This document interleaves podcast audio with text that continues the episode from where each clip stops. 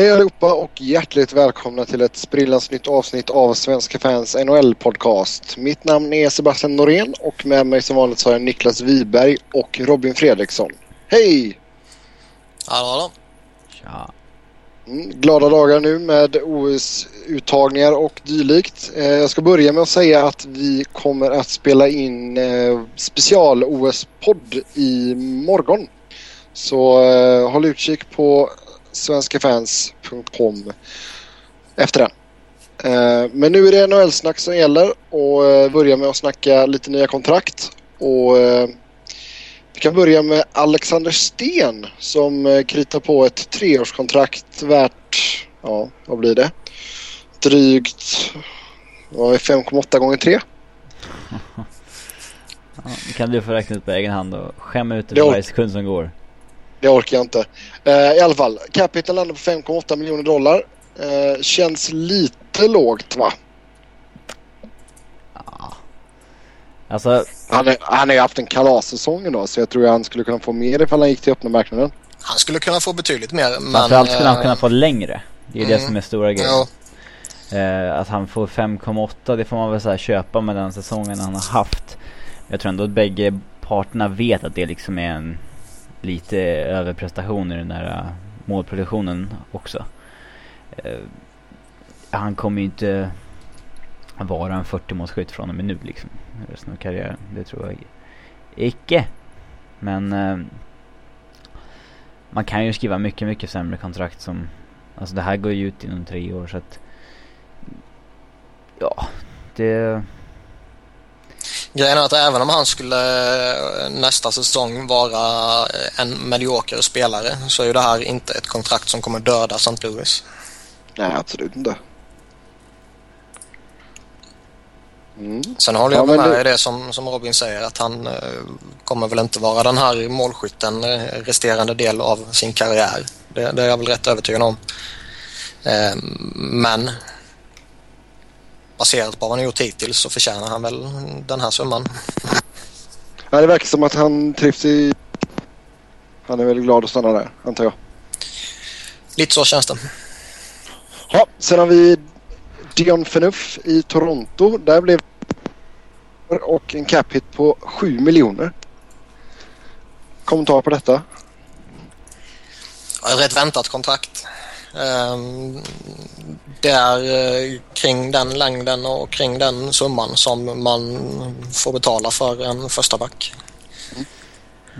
Man kan ju mm, alltid argumentera för att det kanske är eh, aningen för långt och aningen för eh, hög cap hit. Men man kan ju också titta på hur det skulle se ut för Toronto om de skulle släppa honom. En UFA-förhandlingar alltså, när, han är i sin prime, det är inte... Det är inte roligast läget för honom att ta den här kontraktet kanske. Men eh, jag tycker att eh, gnället på honom är ganska överdrivet. Att jag tycker att han är en solid första backparsback som aldrig har fått chansen att spela med en värdig backpartner. Så att, eh, ja, han är, jag tycker han är värd det där kontraktet. Definitivt. Ja, det var ju lite... Det verkar ju som att de var överens ganska tidigt ändå om eh, längden och lönen. Utan det som drog ut på det hela lite var ju den... Eh, han har väl en modified no trade om jag inte har helt fel. Ja, om hur många lag han skulle få gick, alltså säga nej till och sånt där. Ja, exakt. Och de ville ha Ja. ett movable contract helt enkelt i framtiden. Men Yes. Det är ju konstruerat på det sättet också att det är lite billigare framåt slutet. ja, alltså. Har man satt sig i en sits med David Clarkson på ett no movement kontrakt och ett gäng andra som har någon form av no trade klausuler så eh, då får man ju börja man kan inte slänga, fortsätta slänga ut det hej vilt. Det skapar ju lite problem i framtiden. Ja. Ja, Clarkson-kontraktet var ju inte det bästa de har skrivit precis. Men det, det kan vi ta en annan gång. Eh, sen har vi Andrew Cogliano i Anaheim. Det, där blev det ett fyraårskontrakt och en cap hit på 3 miljoner. Jag tycker det är en rätt gediget kontrakt. Ehm, jag tycker han har visat att han är tillräckligt bra för att ehm, ja, klara av en eh, relativt tuff tjänstgöring om man säger så. Mm. Han är ju inte på något sätt en spelare som man bygger någonting på. Eh, men nu när de har Getzlaff och Perry eh, säkrande under en rätt lång tid får man väl ändå säga. Så eh, tycker jag definitivt det är en bra komplement till, till de stora kanonerna. Ja, det är absolut en kille som, alltså Anaheims djup överhuvudtaget är ju ganska imponerande och Cogliani är ju en av de killarna. Jo. Yes, sen om vi kollar lite trades då så eh, börjar vi med lite svensk nyheter. Det var ett tag sedan nu men vi har inte haft håll på ett tag. Så Linus Omark gick till Buffalo mot ett eh, conditional femte rundsval till Edmonton. Ja, gick från en förlorarorganisation till en annan. Och enda skillnaden är väl att här kommer han väl uh, få försöka spela i alla fall. Mm. Eh, det kände, var, på något sätt kändes det ändå rätt givet att någon organisation skulle chansa på honom. Eh, jag hade nog faktiskt trott att det skulle vara ett eh, aningen bättre lag än Sabres. Det är ju lite kon- konstigt att ingen tog honom när han wavades ändå. Ja, sen samtidigt de, de eh, om man tittar på just Buffalo så kanske de hade eh, andra förväntningar när, när det var lite snack om det tidigare på säsongen och nu kanske de inser att ah, vad fan nu, nu är vi tokkörda ändå så då är det bara att testa vad fan man kan, kan testa liksom. Mm. Ja, det är ju en väldigt eh, low risk eh, potential high reward så att säga. Jag ser väl inte någon större potential i honom egentligen. Uh, spontant känns det väl som en snubbe som är för uh, bra för att spela i uh, typ AHL eller han var väl var det schweiziska ligan han var tidigare va? han pissade in poäng. Ja, exakt. Han är väl för bra för den nivån men jag tycker han är för dålig för att spela i en sån omgivning som den spelartyp han är behöver. Eh, vilket i princip innebär topp 6. Um, ehm, jag tycker han är eh, på tok för dålig för eh, ur ett helhetsperspektiv och det gör väl också att jag uh, inte tror att han kommer ha en lång och lyckosam NHL-karriär helt enkelt. Mm. Sen eh, om någon anledning så tyckte Rangers att det var en bra idé att trada till sig Dan Carcello. Och eh, fick ett conditional sjunde rundsval i utbyte mot honom. De fick ju Derek Dorsett skadad och kände väl att de behövde någon annan energispridare. Och eh, alltså ett sjunde rundsval det är i princip gratis. Mm. Så det, han, han är ju lite rolig så Carcillo också för han är ju, jag tycker han är klart sämre nu än han var för eh, en tid sedan. Uh, han började tappa rätt mycket uh, framåt slutet i, i Flyers. Och I Chicago var det väl uh, rätt mycket upp och ner liksom. Um, och, jag tycker det liksom har blivit stadigt, stadigt sämre senaste tiden. Så tidigare kunde, alltså när, när, han var i Philadelphia, han var som allra hetast så hade vi ju en, en riktigt bra fjärde kedja med han och Laperriere och Blair Betts. Och då kunde han ju spela ordinarie minuter och, faktiskt spela upp en 10 minuter per match och, och göra det bra. Mm. Nu känns det väl inte som att han är kvar på den nivån längre utan nu kommer han väl kanske snarare vara en um, ja, på gränsen in som tolfte forward. Uh, det är väl kanske egentligen där som man vill ha honom också. Att mot vissa lag där man vill ha någon någon form av energisnubbe och någon som kan uh, flänga runt och tacklas och kanske veva lite i, i en fjärde kedja. Det, mm. Men som ja. sagt, det, det, det, är väl ingen man ska förvänta sig några stordåd av. Nej. Sen... Uh... Han har jäkla flyt Carcillo av någon anledning. Att han alltid hamnar i bra lag dock. Jag menar i Chicago och sen Kings och sen i Rangers som alltid är kul på sitt sätt även om de är dåliga, eller ja, mediokra just nu. Det är klart, ja. man, spelar, man spelar hellre i ett mediokert Rangers än man spelar i ett mediokert Florida. Även om det är gött att bo, bo i Florida, men... Jo, men jag tänkte just precis säga det. Han har ju fått bo i sköna städer i alla fall. Chicago, LA och så nu eh, till eh, The Big Apple. Ja, alla vill Det- bo på Manhattan. Mm. Sen, eh, sen kan vi ju bara inflika lite kort nu också att eh, Alexander Urbom har blivit eh, uppsatt på waivers av Washington. Ja, det är väl bara en tidsfråga innan han eh, spelar i Europa. Inget lag som du tror kan claima honom? Ja, Det känns liksom lite som att han har eh, fått sina chanser att visa upp sig. Eh, fick han sin sista, eller andra chans i Washington. Ja, lite så är det. Det liksom blev ingenting i Devil så nu ska jag villigt erkänna att jag inte har sett jättemycket av honom eh, eh, vare sig framåt slutet i Devils eller i Washington men ja, det finns väl en anledning till att man eh, är redo att dumpa honom så här relativt kort tid efter att man tog in honom ändå. Ja, vi får se. Vi får se. Sen ska man i och för sig säga det, det snackar man just eh, Caps så har de ju eh, en liten... Eh, de har ju förmåga till att snurra runt på alla sina jävla backar på något konstigt sätt och upp och ner och fram och tillbaka och höger vänster och in och ut och allting liksom. Mm. Vi får se vad som händer helt enkelt. Sen Kevin Westgarth går till Calgary och Greg Nimitz till Carolina. Det är väl eh, lite så att eh, Brian Burke vill sätta sin prägel på Calgary. Och då tar man in en eh, slugger. Yes. Eh, Annars liksom det...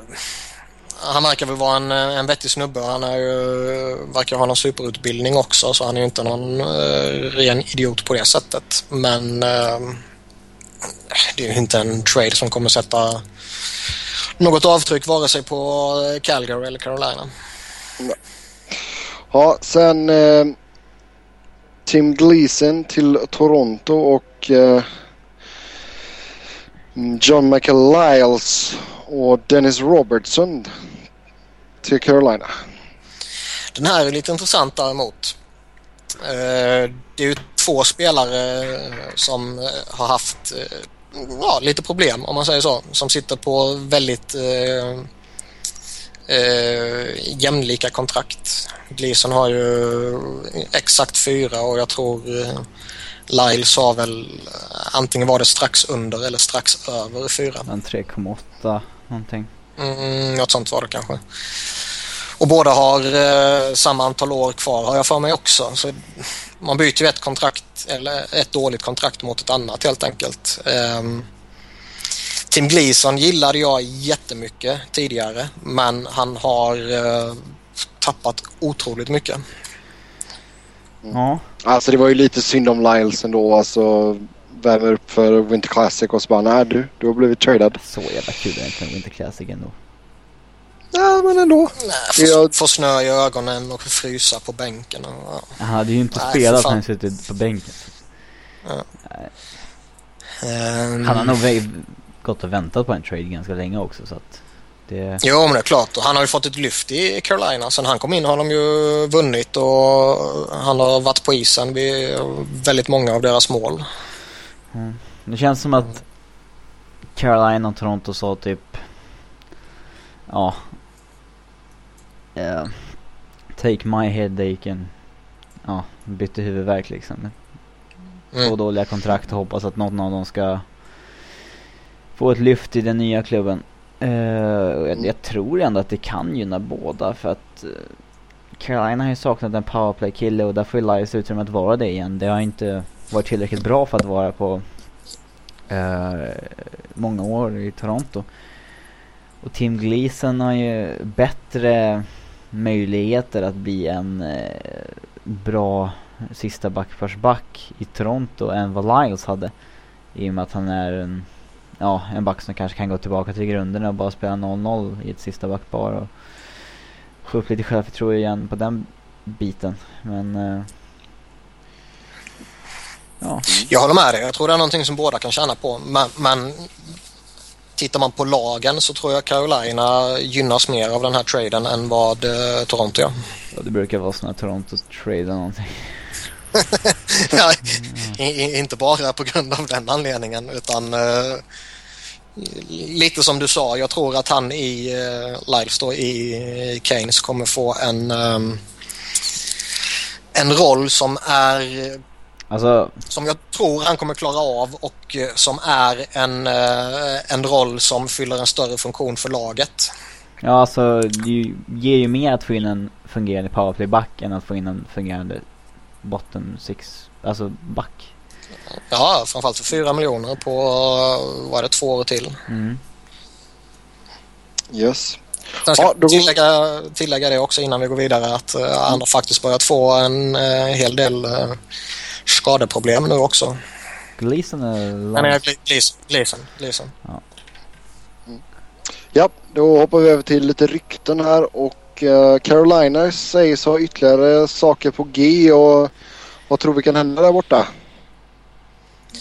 Det går ju lite snacka om att de vill ha in en, en 3D-center. Um, och vissa rykten säger väl att... Uh, alltså, de, har, de har ju den perfekta 3D-centern I Jordan Stahl. Exakt. eller uh, Nej, men det, det, är lite roligt för vissa rykten säger ju att uh, den enda trade-partnern som Carolina hade med Gleason det var Toronto. Och att ta tillbaka Lyles utbyte medan andra rykten säger att Eh, de hade liksom tre, fyra, fem andra lag också som, som de snackade med men att det i slutändan blev Gleason som eh, tack vare sin no trade-klausul valde Toronto då.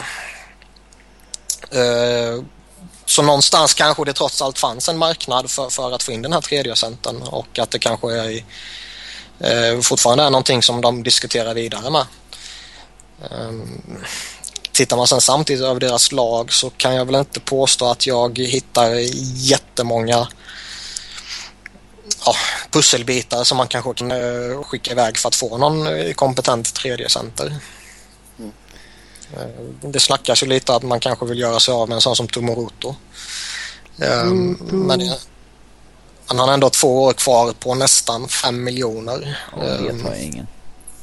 Det är, det är jättedyrt och det är ingen som tar det kontraktet och då måste de käka lite lön och det har de redan gjort med Jussi Jokinen liksom när, när de skeppade ut honom. Och... Och så var det jättekul att se han ösa in poäng i Pittsburgh liksom om man pröjsar hans. Ja, jag tänkte det. Ja, det verkligen. Så frågan ja. är om det finns så mycket man kan hitta på framförallt när de redan käkar eh, long term injured reserve utrymme. Mm. så det är ju inte bara jätteenkelt att nej, men vi offrar den här talangen och det här draftvalet så får vi in han. Uh, ja, svårt är att tro att Carolina ligger upp mot lönetaket när man ser deras lag. Mm. Det räcker väl att titta på uh, fyra kontrakt så kan man förstå det. Det är ju bröderna Stahl, Alex Emin och Cam Ward. Det är rätt välbetalda kontrakt. Sen har de rätt många sådana här som ligger liksom uh, ja.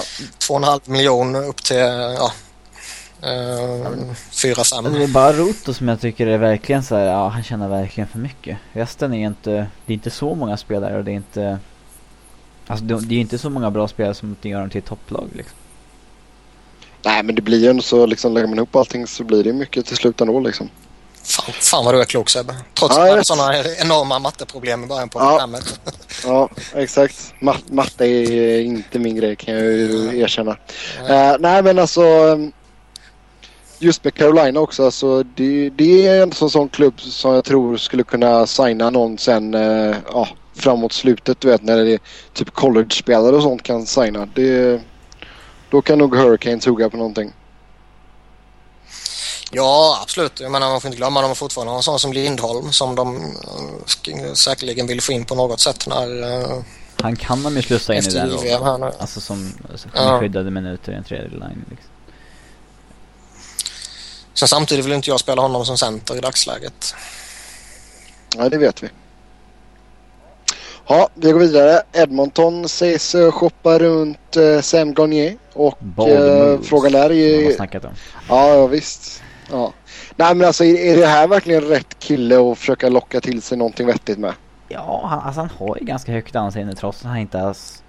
Uh, vad säger man? Han har inte åstadkommit så jäkla mycket. Det är egentligen bara förra säsongen han breakade ut lite med att göra mer än sin traditionella 40 poäng säsong.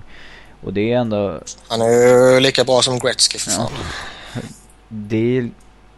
Ja, det, det var ju dessutom en kort säsong och det... Alltså jag hade inte velat ta i det där kontraktet på 4,8 i alla fall. Eh, men eh, det finns ju alltid ett behov efter spelskickliga centrar på marknaden. Det... Mm. Jo men alltså känns det inte som att det är dags att säga tack och hej till någon av de här ja, quote on quote supertalangerna? Jag vet, alltså, det är deras enda hopp ändå också. Att det är de ska göra. Jo men alltså grejen är, ska de få in, ska de få in en ordentlig första back vilket de desperat behöver. Ja, ska man in en första back så är det det de måste ge upp. Det, så är det Ja, alltså det är liksom Tack och hej Jakobov. Det funkar inte. Vem kommer ge upp en första back? Det finns, det finns ju ingen marknad för en sån. Grejen är att ska, ska, du, ska du ge upp en första back så kommer du nog definitivt kräva Taylor Hall från Edmonton. Jag skulle inte ge upp en, om jag var Nashville skulle jag inte ge upp Shea Weber för Jakobov eller oavsett om de slängde in ett förstahundsval eller mycket men... Nej, nej, nej, nej, för fan. Utan den, den enda spelaren hos dem som jag ser kommer, eller skulle kunna ge ett väldigt bra utbyte, det är ju Hall. Mm. Och vår Edmonton så är det ju den spelaren jag inte skulle skeppa. Ja, det är en... Nugent, Nugent Hopkins då? Han har visat för lite och han har redan en söndertrasad axel. Samtidigt ser han ju deras enda... Det är för risk för att göra sig av med honom också eftersom då är Gagner den enda centern de har kvar liksom i hela... Eh, Ebbele har ju snackats lite om som över en längre period. Men eh, samtidigt... Eh... Det är väl också, alltså skulle jag vara inne i Edmontons organisation så är väl det en spelare som jag skulle vara lite tveksam till att släppa. Han har i alla fall bevisat att han kan. Ja, men det är väl det som talar för att han skulle ge ett väldigt, väldigt, väldigt bra utbyte också. Eh, en sån som Sam Gagner tror jag till exempel inte Även om det är en spelare som man kanske inte har några jätteproblem med att offra. Så är det en spelare som man inte skulle få guld och gröna skogar tillbaka av. Exakt. Eh, det skulle man kunna få av en sån som Eberle. Även om det mm, kanske inte bara vill offra honom kan jag tycka. Nej, men jag tror ändå, nej, men jag, jag håller med dig där Niklas. Men jag tror ändå så att man, om man bakar ihop ett paket med Jakobov så tror jag ändå så man kan få no någonting riktigt bra utbyte. Men jag tror inte du får alltså, en, en impact player på det sättet. Eh, visst, du kommer få någon schysst spelare givetvis, även om hans eh, anseende nog är lite eh, sargat efter hur eh, det har gått den här säsongen och lite som, som det snackas kring honom. Så, mm. så han är fortfarande en så pass lovande spelare så att eh, lag kommer nog vara redo att betala för honom om man säger risken, så. Men, ja, alltså, risken är att de gör en James Neal-trade när de som Dallas gjorde när de skeppade Neil och Niskanen för att få en riktigt bra back som de tyckte var i Alex Goligoski. Och träffar man fel back som inte riktigt passar in där i Edmonton någonting då har man skickat bort en få spelare som faktiskt kunde bli någonting där. Uh, det, jo, det är sant. Alltså de... Ja. Jo men alltså jag tänker så här, jag vet att de gillar ju inte att trada med Calgary men jag menar liksom om du kör Jakobov och någonting mot Giordano och någonting liksom. Sen samtidigt så är jag Calgary så... De har ju sagt att de inte, alltså det är typ han... När, när de skickade Bomi så då var det ju no-no på Giordano liksom. Mm. Alltså jag, jag, skulle, det skulle krävas väldigt mycket för att jag, jag skulle skicka iväg Giordano skulle jag säga.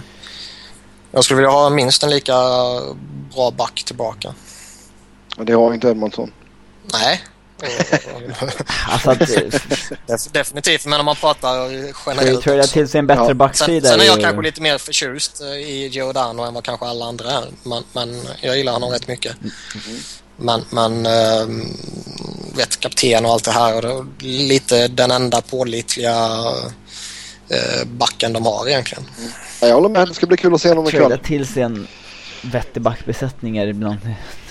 Alltså det är dyrt och svårt. Det, det är ju. Det är dyrt och svårt ja. Absolut. Ja, vi går vidare. Pittsburgh vill ha en topp 6-winger och eh, det är ju lättare sagt än gjort. Och vem kan man tänka sig gå efter och vad får man ge upp i så fall? Alltså vi pratar Edmonton precis. Jag, jag skulle ju inte bli förvånad om sån som Alishemski kan bli aktuell. Även om det med hans capita kan bli problematiskt. Uh, han har fem miljoner men han har utgående kontrakt och det, jag vet inte hur de har nyttjat all eh, uh, uh, long term injuries och allt sånt här från Pittsburgh så jag vet inte hur, hur det skulle kunna fungera. Eh, de har haft rätt många skador och de har ja, Dupuy som kommer att vara borta hela säsongen till exempel. Så det kommer att sätta sina spår så jag vet inte riktigt hur mycket de kan ta in. Ehm, sen samtidigt går det snack liksom att nej, men de vill inte ta in en rental bara utan de vill ta in någon som kan ja, stanna kvar helt enkelt. Om det sen är att man förlänger med honom eller man redan får ett befintligt eh, kontrakt så att säga. Det, det är väl en annan femma men det, det, känns också svårt just med tanke på hur, hur de ligger mot lönetaket och hela den här biten. Och jag ser ju inte det finns äh, jättemånga löner som de skulle kunna skicka iväg äh, för att skapa utrymme. Det är väl möjligtvis Matt Niskanen men äh, han har också varit väldigt viktig för dem nu när de haft eh, rätt tufft med skador i, i backbesättningen. Ja, hela, hela backbesättningen har varit skadad mer eller mindre. Ja, så han har ju varit deras mest meriterade back i princip. Ja. Så det, och då är frågan, visst nu, nu är väl eh, är de inte tillbaka så är de eh, på väldigt god väg tillbaka i alla fall de flesta backarna. Så det börjar ju ordna upp sig där för Pittsburgh men frågan är om man vill offra han ändå när man vet att det det är inte mycket som krävs för uh, bakslag när du precis har gjort comeback. Liksom. Ja. ja. Vi får se. Pitts, det är många som vill spela för Pittsburgh i alla fall. Det är en del Avs-fans som har uh, föreslagit att de ska skicka Jamie McGinn dit i utbyte mot en av deras lovande backar till exempelvis till exempel Simon Depré. Eller hur uttalar man hans namn? Mm. Alltså de har ju en hel drös med backar som de kan eh, offra. Alltså de här alltså, unga de, backarna de som, som de kan offra utan att... Alltså, ja, alltså skulle, skulle det inte vara för att de har så extremt tajt mot lönetaket så skulle de ju kunna alltså offra spelare som inte är ordinarie. Alltså, de skulle ju bli... Uh, och få in riktigt bra spetskompetens. Rättigheterna till en Derek Pooley skulle ju vara mycket värda liksom. Uh, Ja, och sen har de liksom fem likadana spelare ja, till. Simon DePrey, fortfarande ett hett namn och Oli Mata är ju ingen de bör slänga bort såklart, men äh, också något... Är det, är det Mata eller Mäte? Ska, på om vi snackar finska. Nej, på finska, så det beror på om man pratar engelska eller finska. Mäta. Är fint. Sen har du Filip Samuelsson också. Ja men de har ju honom, sen har de Scott Harrington och sen har de... Ryan äh, Demolin. Äh, vad heter han? i Carolina Demolin, ja. Stahl. Ja, så alltså de, de har ju en hel drös med unga backar som man kan offra både en och två utan att det egentligen bör påverka organisationens talangpool. Mm. Med tanke på att de ändå har en, en uh, rätt gedigen backbesättning uh, i NHL redan. Nej, jag håller med. Jag håller med. Vi får se vad som, vad som händer och fötter. Sen är det snack här borta i öknen hos mig att uh, Phoenix är lite sugna på Matt Mawson. Och uh, det är faktiskt ett, ett, av namnen som har diskuterats ganska flitigt i pressboxen. Och uh, det hade väl uh, Phoenix-fansen inte tackat nej till ifall Molson drack upp här borta. Fast frågan är ju som sagt, det, räcker det? Som Phoenix tradar till sig en rental spelare som för många skulle kosta en del.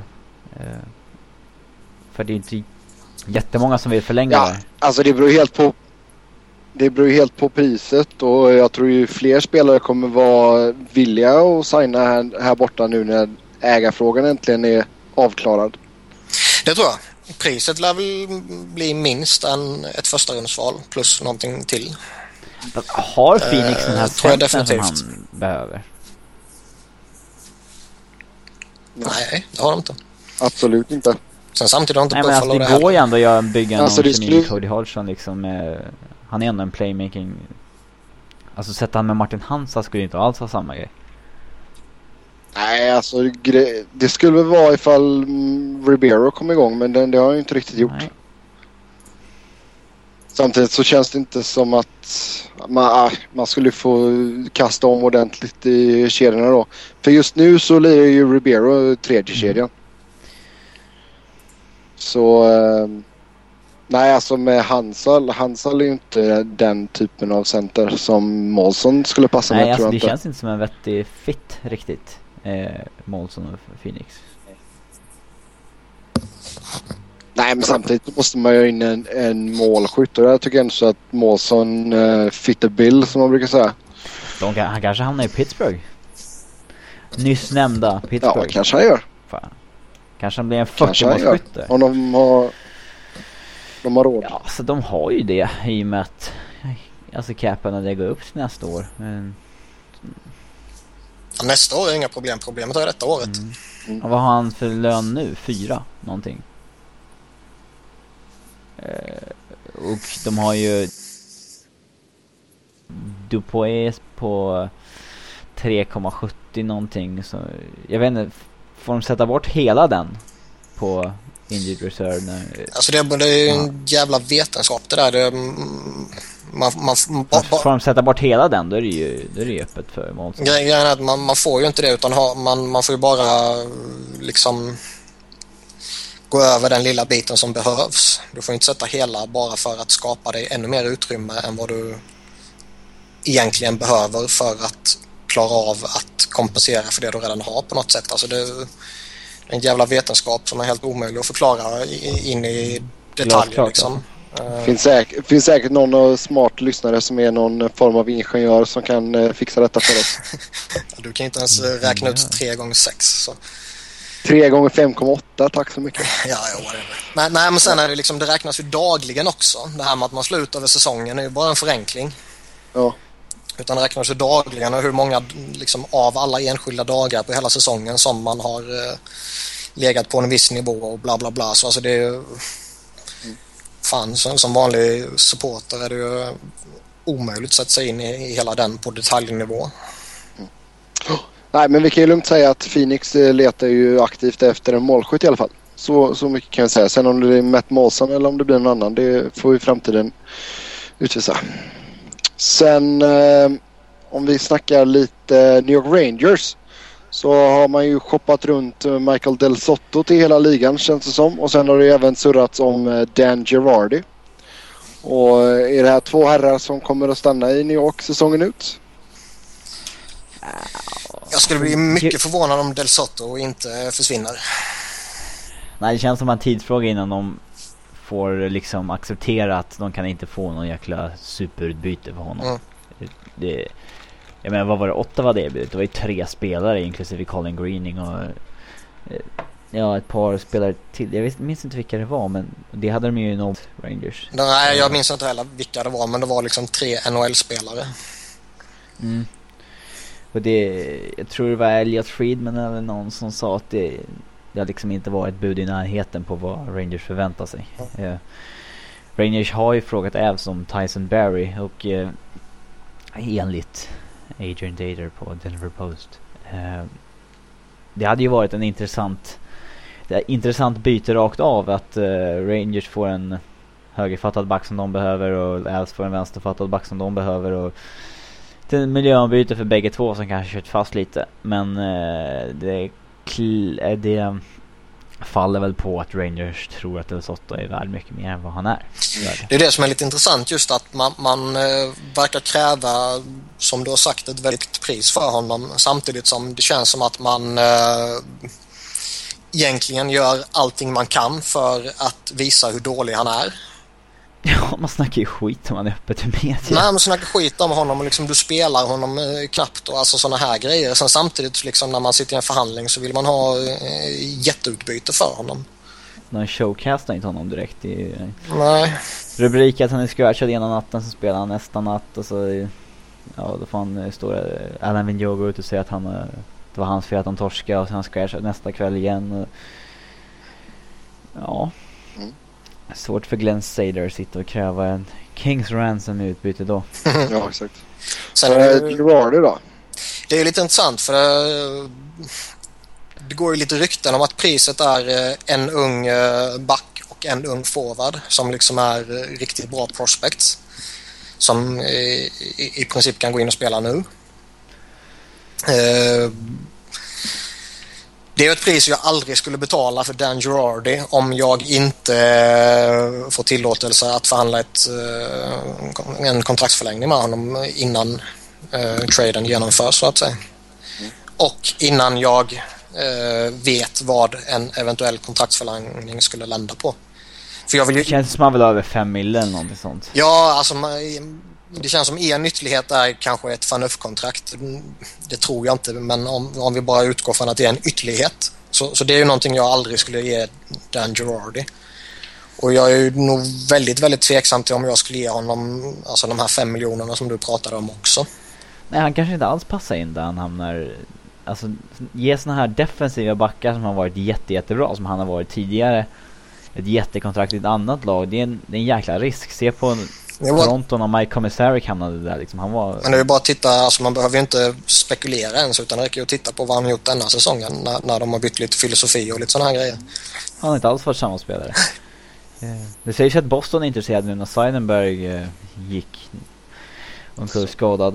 Eh, men jag har svårt att se hur de ska ta den capen över kommande år och sådär. Jag tror inte de vill ta in honom på en rental rentalresa.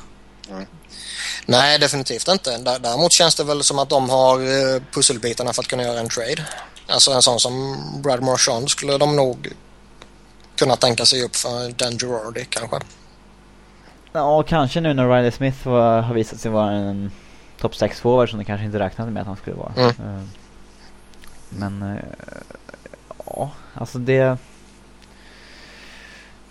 det är alltid en intressant marknad för en sån som Dan Girardi ändå för att backar som kan spela i ett första backpar eller i alla fall solida topp 4 minuter det är ju alla eftersöker sådana backar och det är ingen som vill upp sådana backar. Mm. Så att sitter man på en sån då har man ju en, en guldsits när man ska förhandla.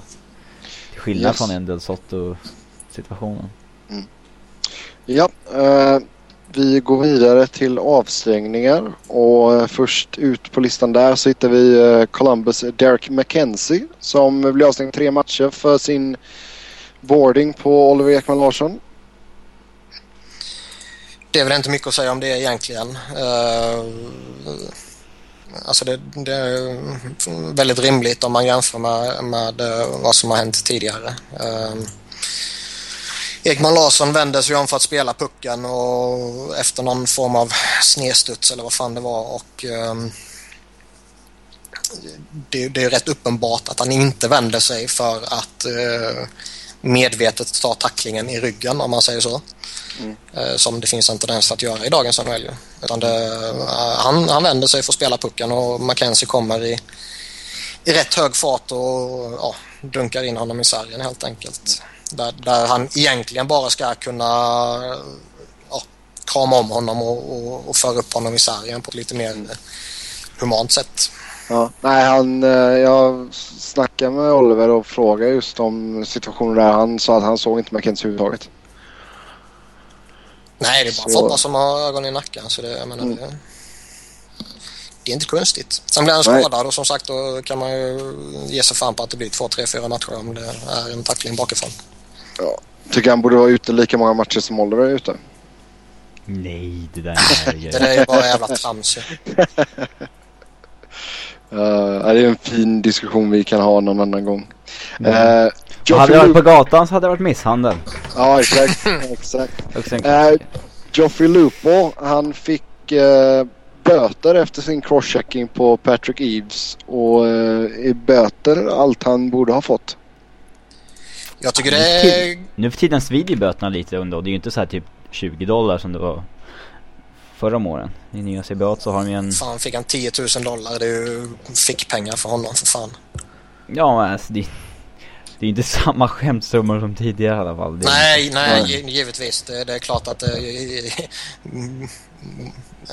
Vad var det? Det var typ såhär 2600 dollar. Ja, sådana saker. Det, det är bara skit. Men så jämfört med det är det ju är det ju en jättestor ökning men det är fortfarande en pissumma. Det, det som jag tycker är lite intressant är ju att han är ju faktiskt en repeat offender.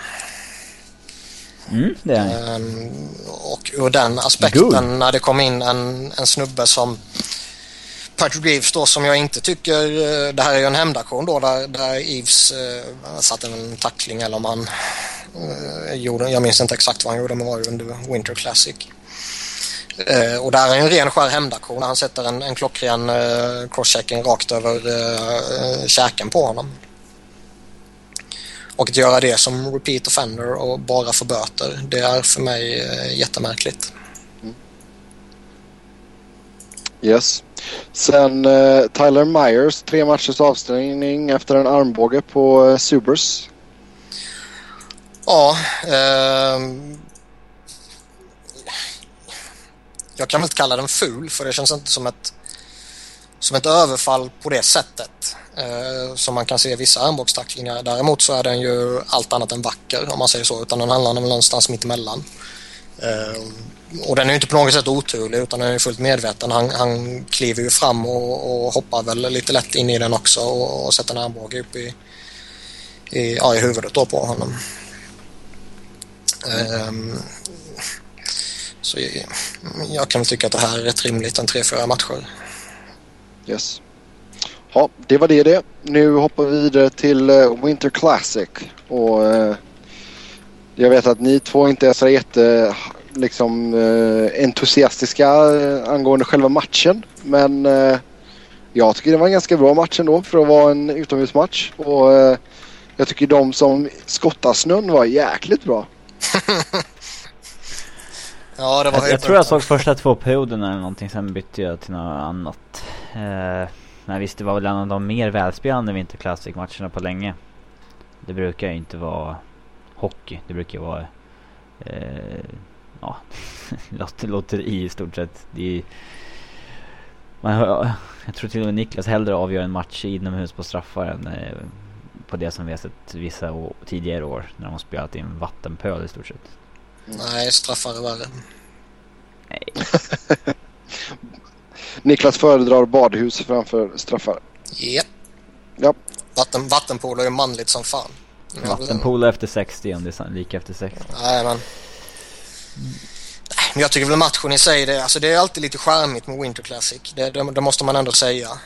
Um, framförallt när det blir den inramningen och, och det blir det här klassiska vintervädret och, och, och liksom hela den biten. Och det, det är trots allt lite, lite häftigare när det är eh, vad var det, 108 000 på, på läktaren än när det är typ 52, 55 som det har varit på, på vissa arenor. Mm.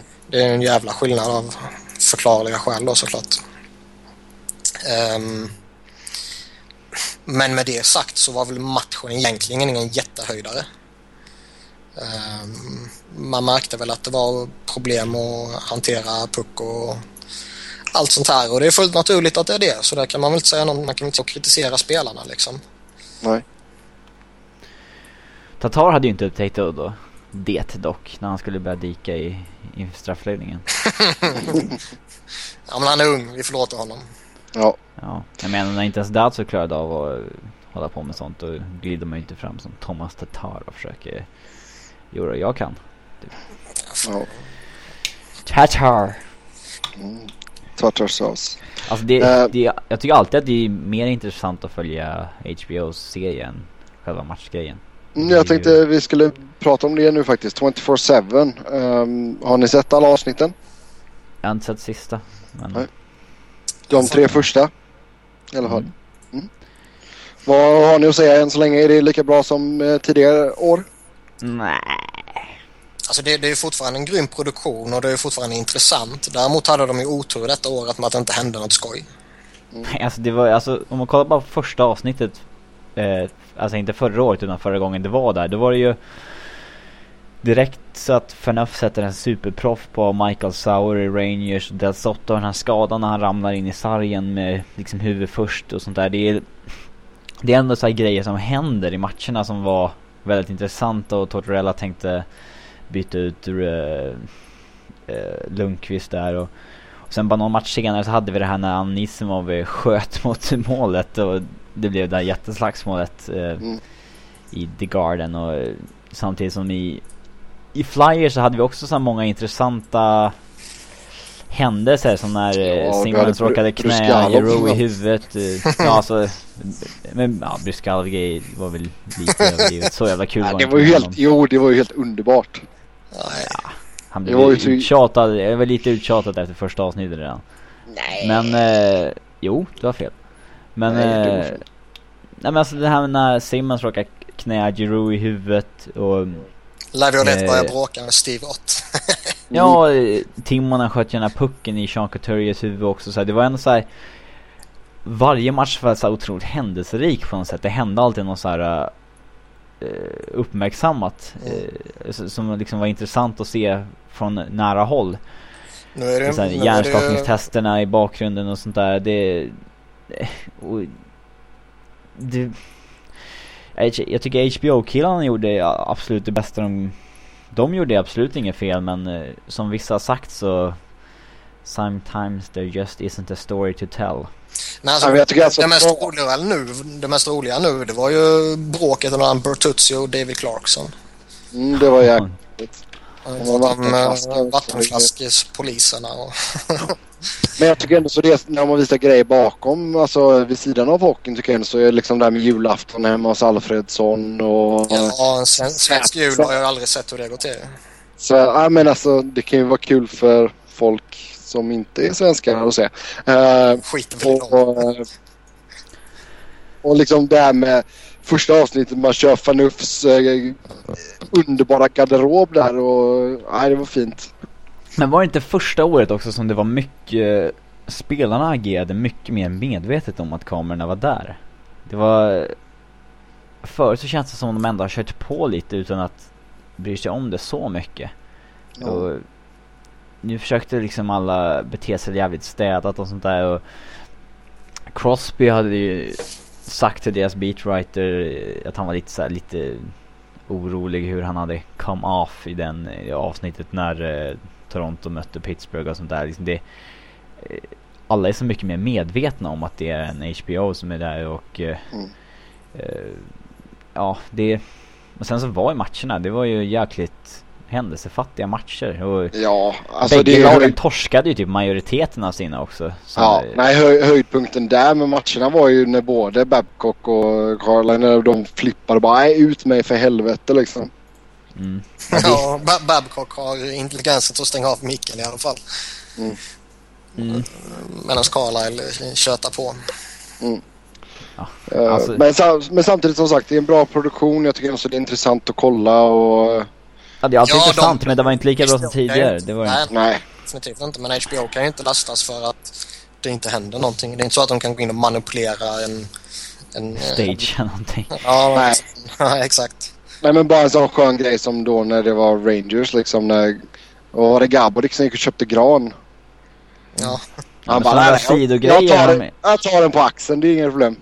Ja, sådana där sidogrejer lyckades ju hända så här, men just på isen i matcherna tyckte jag, det var ju otroligt händelsefattiga matcher. Det var ju, de kämpade ju liksom för, de la, la liksom in musik och vevade lite highlights under matcherna så här, det, det verkade inte hända någonting liksom intressant ur trash talk väg eller sådär. Det, det var ju bara David Clarkson och hans eh, eh, ja, vad kallar man honom? 40 million dollar water bottle guard.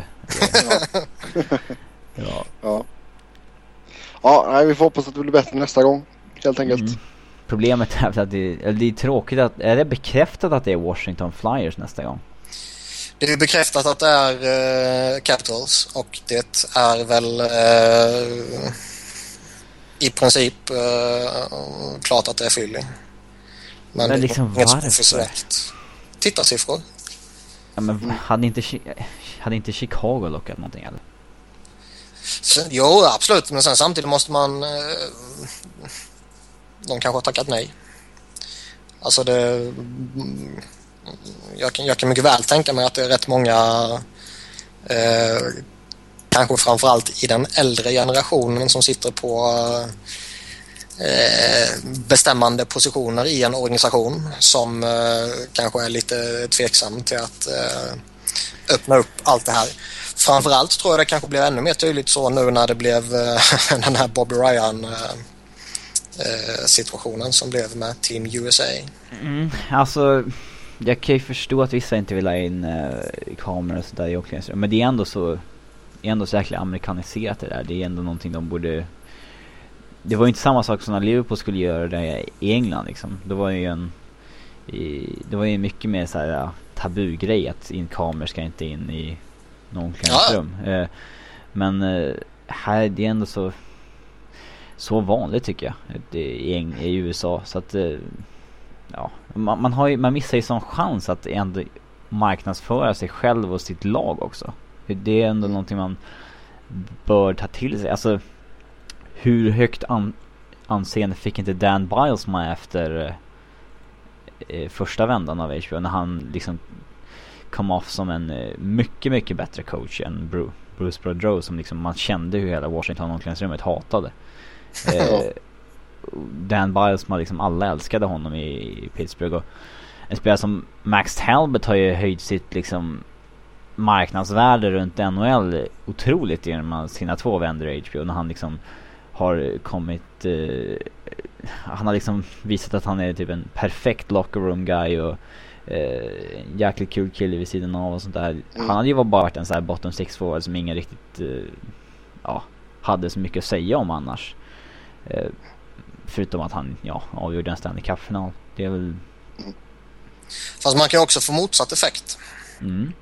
Vi snackade Bruce Garlov tidigare. Ja, han kommer ju alltid vara en officiell distraction. Ingen ja, ja. Han har ju varit sådär, han var ju sådär i Phoenix också men då var det ingen som uppmärksammade det. Nej, dels är det ingen som bryr sig om det jävla skitlaget och dels uh, så var han väl uh, aningen bättre. Ja. Mm. Vem, eh, är det någon av spelarna som har stått ut uh, framför kameran i er åsikt? Jag är mest för, förvånad att det, de liksom inte ens försökte göra någonting med Datsuk och eh, Detroit hade ju ett oerhört profillöst lag. Det var ingen som var kul att... Men samtidigt, alltså, kill, kollar man på Datsuk, snubben kan ju inte prata engelska ju. Han gör sig till. Men han verkar ju kunna bättre än vad han eh, vill. Ja. Liksom, att folk ska veta. Alltså, de få gångerna man har sett någon intervju med honom, då har han ju liksom klarat sig jäkligt bra. Uh, inte när jag har pratat med honom i alla fall. Ja. Han ville bara inte prata med dig. Nej, så kan det mycket väl vara i och för sig. ja. Jag har hört den historien. Ja. Aj, ja, vi lämnar 24-7 därhän och så ska vi kommentera lite kort om JVM innan vi tackar för oss. Och, eh, ja, överlag en ganska underhållande turnering tycker jag i alla fall. Mm. Jag, jag, tycker det är jätteunderhållande uh, om man bortser från slutet. Men uh, alltså det, det, har ju fått en uh, en sån jävla hype. Två miljoner tittare var det som såg finalen liksom. Ja, ja alltså det, alla pratar ju om det också. Mm. Um, så egentligen kanske det har blivit lite större än vad det egentligen är. Uh, och, och, med tanke på att det blivit så stort som det trots allt är så tror jag väldigt många glömmer att det fortfarande är uh, ungdomar och juniorer. Ja. Uh, det, kän, det känns som att man, och jag är säkert likadant själv så jag ska inte sitta och, och påstå något annat men det känns som att man liksom målar upp en bild för sig själv där det är att om det här är liksom fullbordade stjärnor som liksom gör, gör de ett misstag så, så ska de uh, tokhånas och, och det är inte riktigt, etc. Det är inte så att Alltså Thomas Roos borde ju inte ställa så Robert Hägg mot väggen så här som han gör när han eh, efter finalen där i när han intervjuar honom. Men är, är det någon som förväntar sig något annat när vi pratar Thomas Roos?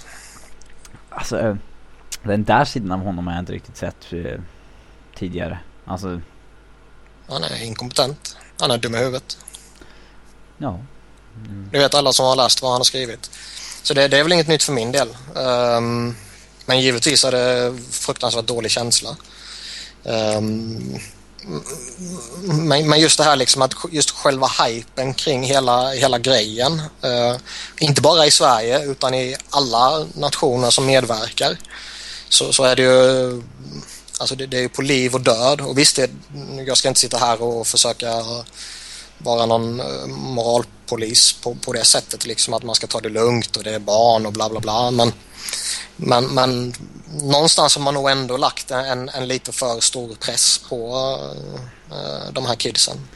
Ja, alltså jag kan ju bara prata om... Alltså jag tycker det var hyfsat lugnt ändå för USA men alltså kanadensisk press har ju varit skoningslös verkligen. Ja men det är ju skandal där ju. Andra året i rad de missar en pallplats till och med. Det är ju liksom... Men eh, samtidigt har det inte varit så jättemycket kritik mot spelarna utan det har mer varit mot eh, alltså, landslagsledningen. Ja, så var det ju så också. Steve Spot. Som ja. fick åka... Ja, han fick ju med sig en Ryan Nugent Hopkins till JVM och kom hem utan medalj. Då, eh, då ligger man illa till. Mm. Men... Eh, ja, alltså det... Ja, alltså... Så stor som den här tävlingen har blivit, det är ju... Alltså för tio år sedan då var det ju fullständigt otänkbart att JVM skulle vara större än VM. Alltså för, för tio år sedan hemma i Sverige, det var liksom som hockeyintresserad grabb så var det ändå så här eh, typ största som hände när man fick se typ Foppa komma till VM och Sudden till VM och sådär eh, spelare som när man var 11-12 år och gick i skolan liksom man såg ju aldrig de spela NHL eh, på den nivån det gick bara typ rykten om att de var bäst i världen så här.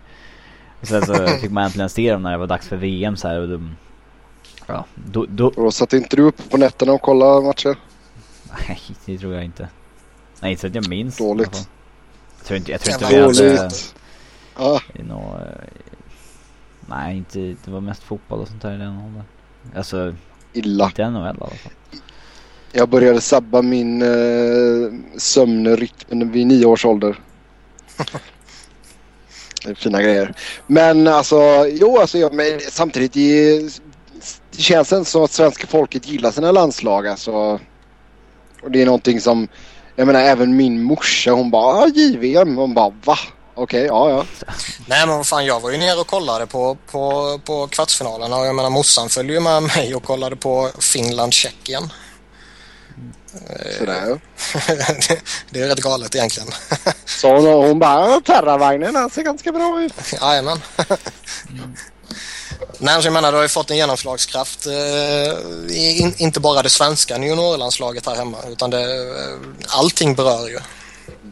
Jo, men jag tror det hjälper ju också att det har varit, alltså vi har inte gått till final, vad är det, tre, tre år på raken. Jo, men det är klart, fram, framgång hjälper ju givetvis. Ja, och de har varit, alltså, spelat väldigt underhållande hockey och sen jag menar fotbollslandslaget är ju klart nummer ett. Det, det är ju inte inga snack om saken liksom och även nu liksom till OS då stora hockeylandslaget. Men jag menar efter det så eh, känns det som att det finns plats att slåss om där om man säger så. Ja, alltså nu har vi ju ett handbollslandslag som liksom folk inte eh, verkar veta finns längre. Innan när det var som allra bäst så var det kanske det största landslaget till och med. Mm. Bengan Boys. Mm. Mm. Nej, så jag menar liksom, det, det förvånar mig inte att det fått sånt uppsving och sen är det, är det kul att det var bra med folk på alla matcherna och sådär. Samtidigt känns det ju som att ja, vanliga VM har ju blivit helt urvattnat. Det är trist ja, att svensk landslagspublik är som den är och det är inte det är inte som man sitter och är stolt i soffan när Let's Go Sweden pumpas av de svenska supportrarna som det faktiskt var. Det var ju inte kanadensare som drog uh, Nej. Det var ju, det var ju tragiskt. Däremot när, när, när jag var ju på kvartsfinalen då, där var det ju grym stämning. Alltså, man har ju förståelse för att det, det blir lite vad det blir när det inte liksom... Det finns ju direkt några supportergrupper som... Alltså det, det, finns till fotbollslagen runt om i Sverige som kan liksom styra upp något vettigt. Det... Ja. Det, det blir väl liksom vad det blir på det sättet men det... Sen är det alltid tragiskt att det blir den här eh, andra sidan när ni klarar. Ja. Ja, gud. Men det är ju inte bara något som finns i hockeyn. Det finns ju fan på varenda jävla idrottsevenemang. Men, också, men det värsta är måste, vågen måste ju vara värst. Nej, det här, ja, det ja, vå irriterande. Kisscam är ändå värre än vågen tycker jag. Det är... Kisscam är ju bara hilarious. Nej. Jo. Ja, men det är lite charmigt tycker Passar jag. väl det ja, det är det. Inte... Det, det är det. Sen tycker jag det är tråkigt att man inte kom, kan komma på något roligare. Men, men lite charmigt är det ändå. Ja, inga kisscams eller cheerleaders eller något sånt där skit bara. Det är liksom, det är för mycket NHL för det. Han behöver inte jobba för att bli Ja, lik NHL, alltså på den nivån. Det, Nej. Nej, det är en god poäng du har. Uh, sen musiken måste jag ge props till också. Jag tycker det var bra musik mellan uh, avblåsningarna. Ja, det är jävligt svårt att styra upp. Ja, du alltså det är ibland... eh, här borta har det varit ganska bra musik i Phoenix men alltså typ Anaheim alltså usch. alltså, musik är alltid svårt. Det är, alla tycker ju olika musik så det kommer ju aldrig vara så att Jo det är självklart. Det är klart. Fast de spelade väl mycket mer Alltså jag är ju ganska eh, ointresserad av musik så jag noterar inte ens att musik är på så här. Jag stänger bara av liksom eh, eh, öronen i stort sett. Eh, Så att jag not- Men visst var det så här mer modern housemusik i typ hallen? Eller? Ja. Det var väl det som det var många tyckte var så här bra för det är ändå det som är Ja Du får inte drag om du ska spela Queen We Will Rock You i en hall med ungdomar idag Nej, exakt. liksom. Nej. Nej det var bra att de körde lite Avicii och dylikt. Svensk stolthet Mm. Ja, det är fint. Blir alltid lika glad när de spelar Avicii och Swedish House Mafia på matcherna. Ehm, Mm. Om vi går in på lite specifika spelare då. Vad, om ni får plocka eh, en spelare var, inte svensk, som eh, överraskar er i turneringen. Överraskad Teravainen. Överraskad är en eh, Ja, okej, okej, okej, säg imponera då. Imponera är bättre ordval än mig där. Ja, jag säger fortfarande Jag säger Nita, Ja. Nikita Sadorovs offensiv, den trodde jag inte han hade i sig. Jag trodde han var en mycket mer renodlad defensiv back. Ja, absolut. Han, han, eh, alltså det, om, man, om man jämför honom i, i JVM med det man har sett av honom i eh, NHL så är det ju två helt olika spelare. Och det är inte konstigt heller. Alltså det, det är en jävla skillnad på att spela NHL och möta eh, eh, ja, fullblodsproffs eller möta likvärdiga juniorer. Givetvis. Men... eh, Buffalo sitter nog och gnuggar sig i händerna med Sadorov och Ristolainen var ju bästa Ja, backarna i VM liksom. Absolut, Dä- däremot tycker jag båda två var, alltså de, deras högsta nivå var, var jättehög. Däremot var de eh, lite ojämna tycker Så jag. in depth såg jag dem inte riktigt men Alltså Ristolainen var ju rätt kass i början. Sen hade det väl lite, vissa förklaringar då med lite skada och sjukdom och lite sånt här va. Men, men eh, han, han var ju grym sen framåt slutet. Däremot om man ska ta det till helhet, helhetsintryck över hela turneringen så drar väl inledningen ner det lite där och jag tycker eh, Sadrov var väl lite så här eh, ja, lite så skakig här och där också när, när, de, eh, när Ryssland eh, när, när, när ryssarna var bra så var Sadorov fantastisk. När, när Ryssland var ja, lite sådär, då, då var han inte lika het. Däremot Teravainen var ju, han var ju bäst på isen i alltså varenda match förutom gruppspelsmatchen mot Sverige.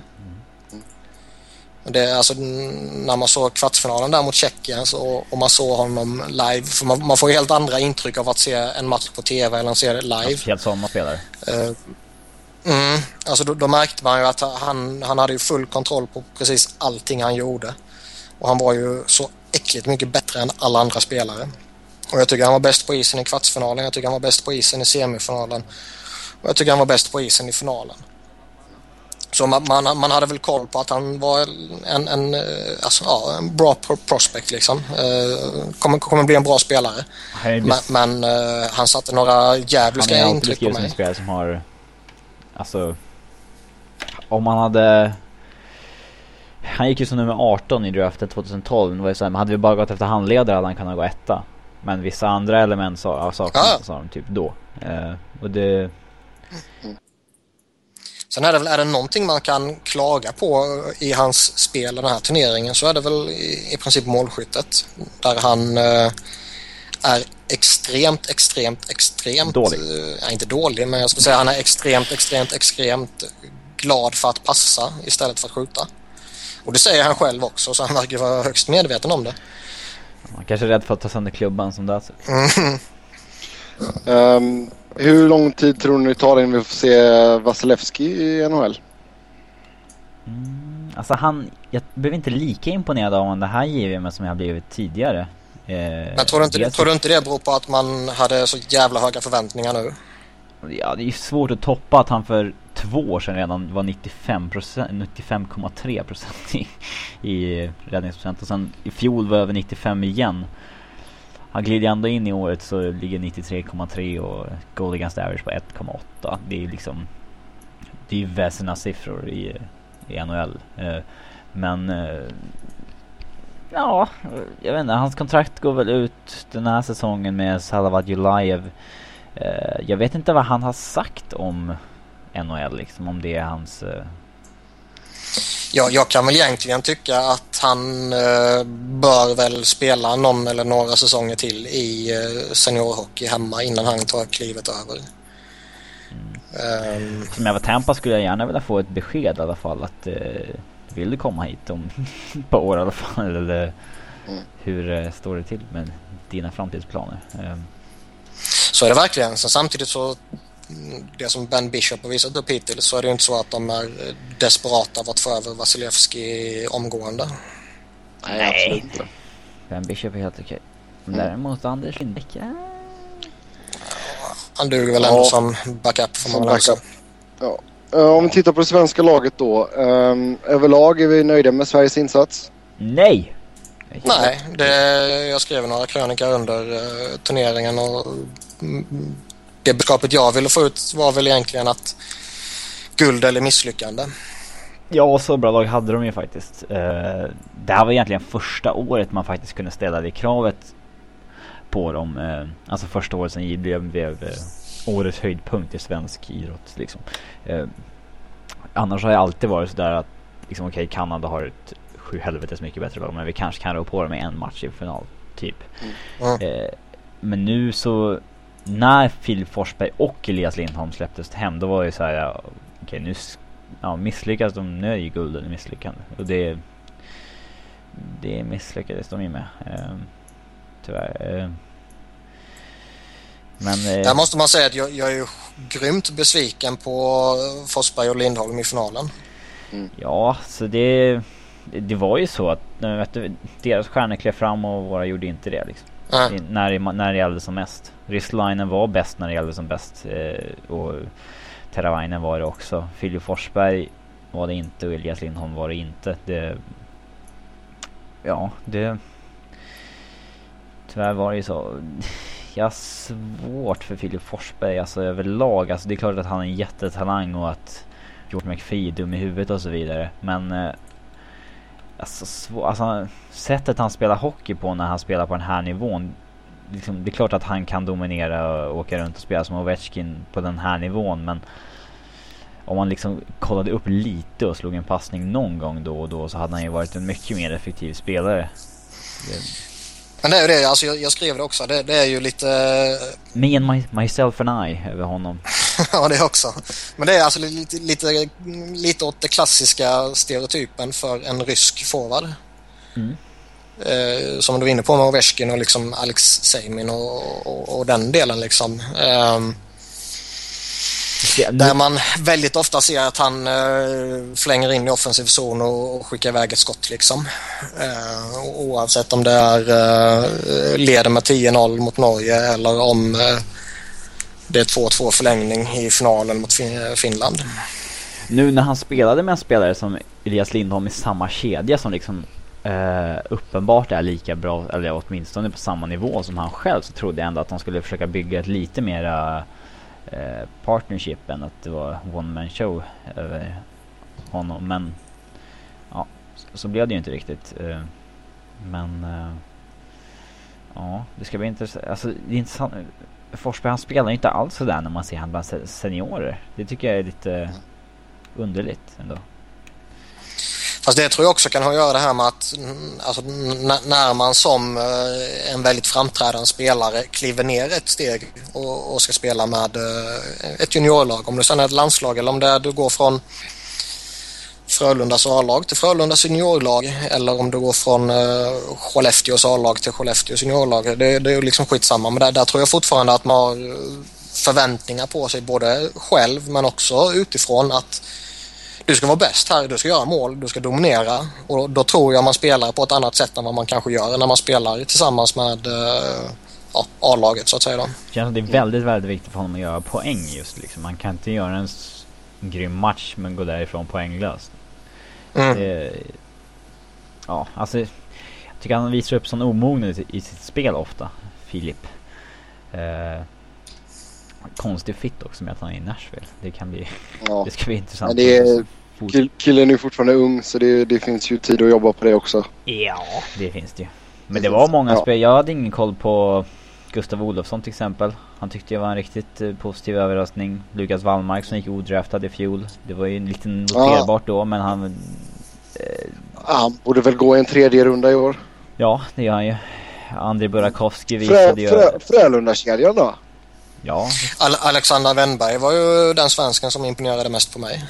ja, han har ju faktiskt raka motsatsen till Filip Forsberg en mycket större mognad i, i sitt spel framförallt. Nu var ju han Mm. eh, dominant första matcherna och sen var han ju framförallt inte lika framstående poängmässigt i de senare matcherna men eh, å andra sidan... Men jag tycker, jag tycker ändå var Wennberg som drev det svenska laget i finalen. När Lindholm och, och Forsberg eh, försvann helt och hållet ur matchbilden så var det, det var liksom Wennberg som drog på sig de här utvisningarna som gav alla de här powerplay i, i, i tredje och det var han som stod framför kassen och gjorde skitgörat när eh, eh, vem fan var det? Juice var det va som dunkade Ja. in 2-2. Ehm, Han så- hade så jag, menar, jag, jag tycker ändå han gjorde, gjorde sitt jobb Mm. eh, när de här två andra försvann. Ja, det var, han spelade ju dessutom fram Andreas Jonsson ett, ett par gånger i de senare matcherna också bara att han inte nätade. Mm. Så, eh, men ja, han gjorde en, eh, en riktigt bra turnering tycker jag. Mm. Ja, han gjorde ju avtryck på Kekkelainen också. Mm. Ja men jag tror jag Columbus vet nog vad de draftade. Det var nog inte så, så mycket så mycket överraskning. Eh, men eh, sen tycker jag backparet med Robin Norell och Robert Hägg var överlägset det bästa svenska backparet i, i den här turneringen. Eh, Robert Hägg i synnerhet. Eh, Ja, jag blir jätteimponerad av honom. Jag har sett väldigt lite av honom i Modo. eh, För att inte säga i princip ingenting. Eh, Men eh, han spelar ju som backar ma, som man vill se backar spela. Liksom om man... Ja, men hård och rejäl och fysisk och kan smälla på och han vet hur man hanterar pucken och han kan... Han har liksom ett hyfsat skott också. Roliga med att eh, både Robin Norell och Robert Hägg är ju 95 år och får vara med nästa år.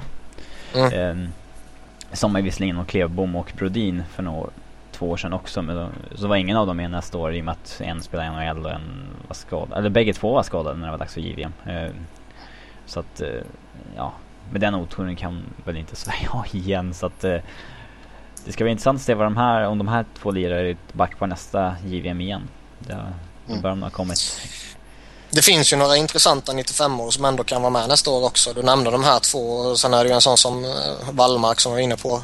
Eh, Burakovsky och Della Rosa är ju 95 år också. Ja, det blir intressant att se William Nylander nästa år också. Eh, alltså det säger en del om Sveriges otroliga djup. Eh, det här året när en spelare som väntas gå typ topp 5 i draften i sommar inte är med i, i VM. Det brukar, Mm. Det brukar aldrig ske. Men eh, där har vi en spelare som likt Filip Forsberg kanske inte är så mogen i sitt spel. Ehm, men nästa år är han givetvis med. Trots att han är ett år ung då också. Han är ju 96 Ja, eh, Oskar Dansk. Ja, han fick väl lite överdrivet mycket skit i början på turneringen tycker jag, men han var absolut ingen akilleshäl, det kan vi inte påstå. Ja, jag tycker han var... Alltså skulle Sverige vunnit finalen så skulle han varit turneringens bästa målvakt. Nu vann Finland så då blev det Jussi Saros istället. Mm. Eh, Så bra tycker jag han var och jag tycker det... um, Visst han, han släppte in något, något enkelt mål. Eh, Han släppte första stolpen. Nu minns jag inte vilken match det var men det var något sånt där men fan det hände liksom. Eh, Däremot tycker jag de, de här eh, bristerna man såg i början på turneringen som du var inne på Robin, det tycker jag egentligen inte var hans fel utan då, eh, jag tycker försvarsspelet i början på turneringen var på tok för dåligt. Något annat ni vill tillägga? Nej. Alltså det är det är intressant det här med Kanadas flopp ett år till, för det får ju liksom inte ske där att de missar en pallplats två år i rad. Det är ju det blir ju lite panik i landet liksom. Ligger vi efter i juniorutvecklingen? Vad är det som, vad är, det som är fel liksom? Och, eh, det ska bli intressant att se vad de kommer med nästa år då. Ja, man har ju redan gjort uh, grejer där med målvaktssidan. Så. Fast det är inte bara det att man missar pallplats för andra året i rad. Man missar ju guld på vad är det, femte året. Det är lika anmärkningsvärt som att man missar pallen två år i rad. Mm. Även om man rent historiskt tittar på deras juniorlandslag så vinner de ju guld i klumpar. Sen har de några år där de inte vinner. Sen vinner de guld i klumpar. Sen har de några år där de, där de inte vinner. Mm. Yes, vi ser redan fram emot nästa års turnering och med det så tackar vi för oss för den här veckan. Eller ja, om ni inte vill lyssna på OS-podden då vill säga, för då hörs vi igen snart. Som vanligt så vill ni chatta hockey med oss så går det att göra det via Twitter. Mig hittar ni på @sebnoren, Niklas på att Niklas Wiberg, Niklas med C och enkel-V och Robin hittar ni på R underscore Fredriksson, Fredriksson med två S. Så eh, ha det gött så länge så hörs vi. Hej! Hej! Hej hej!